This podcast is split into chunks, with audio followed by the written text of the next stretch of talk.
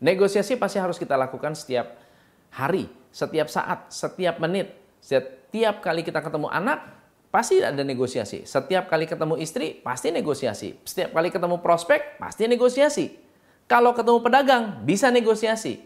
Tapi ada lima taktik negosiasi yang dilarang Anda lakukan. Tidak boleh Anda lakukan sama sekali.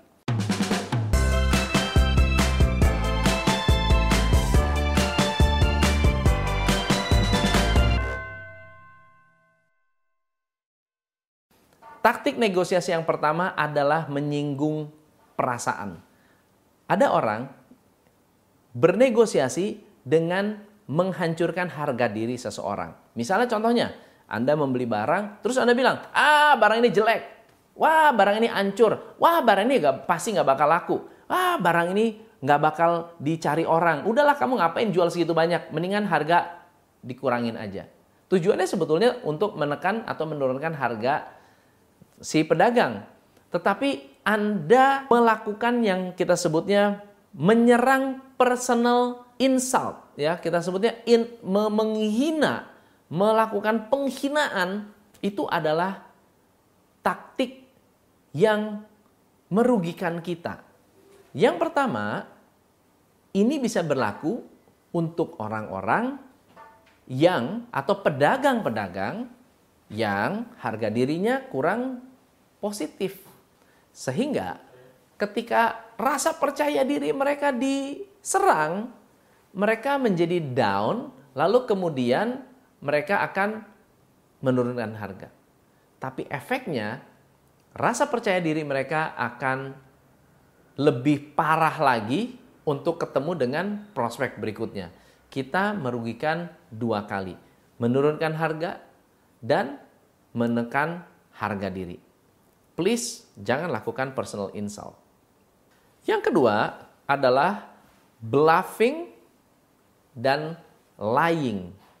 Bluffing and lying adalah satu tindakan untuk membesar-besarkan sesuatu. Misalnya contohnya begini, uh, saya mau negosiasi dengan Anda, lalu Anda bluffing. Bluffing misalnya, kalau kamu nggak kasih harga segini, saya bakar kalau kamu nggak suka saya, kalau saya nggak dapat harga ini, saya sumpahin kamu bakal rugi seumur hidup. Wah, bluffing gitu ya. Atau Anda berbohong. Berbohong artinya begini, saya di sana dapat harga lebih murah. Saya di sana saya dapat harga lebih murah. Kamu nggak ngasih harga saya di sini, saya pindah ke tempat lain. Atau kalau kamu nggak nggak kasih saya seperti ini, saya akan kasih uh, kabar ke sosial media bahwa kamu harganya mahal. Dan menurut saya itu tidak uh, etis, tidak uh, baik meskipun tujuan Anda adalah negosiasi. Dan berapa banyak dari kita, oh tetangga lain harganya lebih murah. Kalau lebih murah kenapa nggak beli ke tempat lain? Ngapain nongkrong di sini? Kenapa memaksakan untuk belanja di sini? Jadi Anda harus etis. Anda harus etis. Yang ketiga adalah bukan hanya bluffing, tapi mengancam atau memberikan ultimatum. Memberi ultimatum boleh. Memberi ultimatum boleh. Mengancam jangan. Mengancam itu bisa banyak bentuk. Ya, mengancam itu bisa banyak bentuk. Anda bisa mengancam tidak akan belanja lagi, anda bisa mengancam, misalnya contoh sederhana ya, Anda dealing dengan supplier. Oke, hari ini supplier Anda pasti membutuhkan cash flow. Anda adalah retailer, Anda bisa jual terimanya tunai.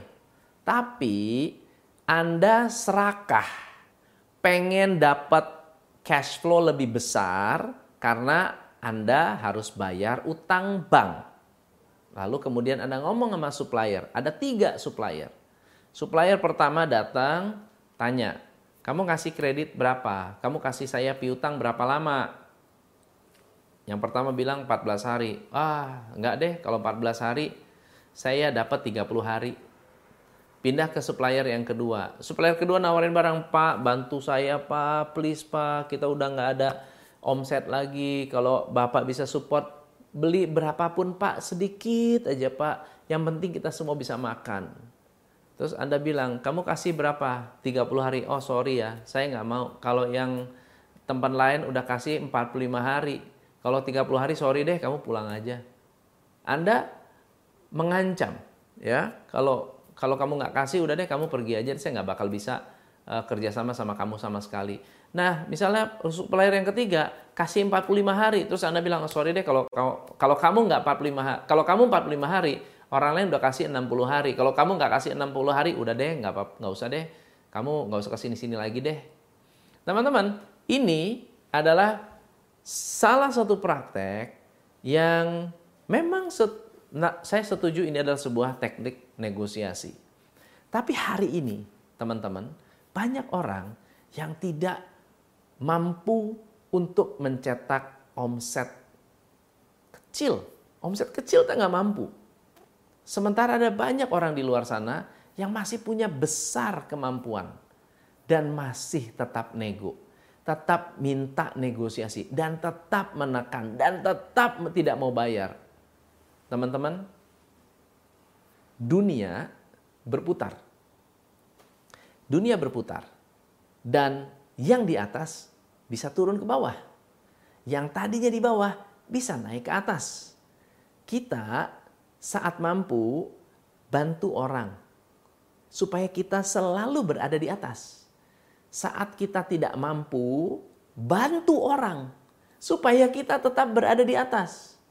Dan ketika kita melakukan negosiasi dengan ancaman, melakukan negosiasi atas dasar keserakahan, melakukan negosiasi atas dasar ingin menang sendiri, ini akan merugikan kita jangka panjang. Gusti boten sare. Tuhan tidak tidur. Nah, yang keempat adalah meremehkan penawaran customer Anda atau prospek Anda. Misalnya contohnya begini. Gini Pak, uh, saya mohon maaf Pak kalau kasih 30 hari nggak bisa Pak. Kita aja udah sedang problem Pak, cash flow Pak. Gini deh Pak, gimana kalau saya kasih uh, potongan lebih deh Pak? tambahan satu persen Pak kalau misalnya Bapak mau terima penawaran saya yang 14 hari. Lalu Anda mengecilkan, meremehkan, menghina penawaran ekstra ini. Satu persen. Kamu kasih saya satu persen, saya ke toilet aja nggak mampu tuh bayar satu persen itu. Ya ke toilet aja saya nggak bisa, kamu saya nggak bisa pakai 101 persennya. Satu persen buat bayar bunga aja nggak bisa. Satu persen artinya apa buat saya? Oke, so jadi Anda berusaha untuk meremehkan, mengecilkan tujuannya agar keluar poin yang lebih besar. Ya, mengeluar, dia keluar eh, bonus yang lebih besar lagi. Anda perlu berhati-hati atau Anda perlu membangun kesadaran akan hal-hal ini. Dan praktek-praktek ini, please komen kalau ada yang pernah mengalami. Please komen kalau Anda pernah mengalami hal ini. Yang kelima, menciptakan skenario good cop, bad cop yang sebetulnya tidak ada.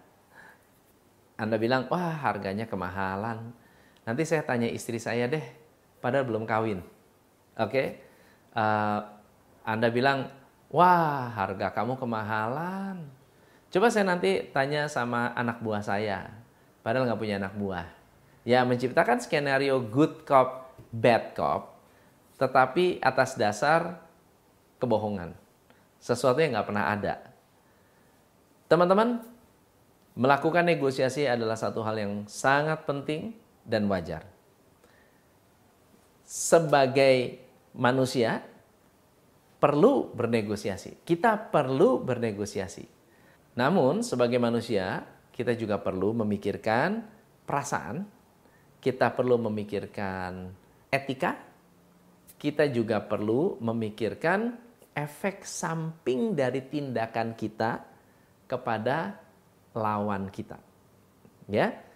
Dan teman-teman, lima taktik negosiasi yang sesungguhnya wajar tetapi akan merusak hubungan Anda jangka panjang atau akan membuat orang trauma berhubungan Anda bukan hanya berkaitan dengan bisnis, tapi juga dengan anak istri, dengan karyawan, dengan orang tua, dengan rekan kerja. Ini bisa menjadi sebuah strategi yang sebaiknya tidak dilakukan. Karena akan merusak hubungan baik, akan merusak hubungan yang sudah harmonis. Semoga bermanfaat. Saya Tom MC Ifle. Salam pencerahan. Hanya di Coach Indonesia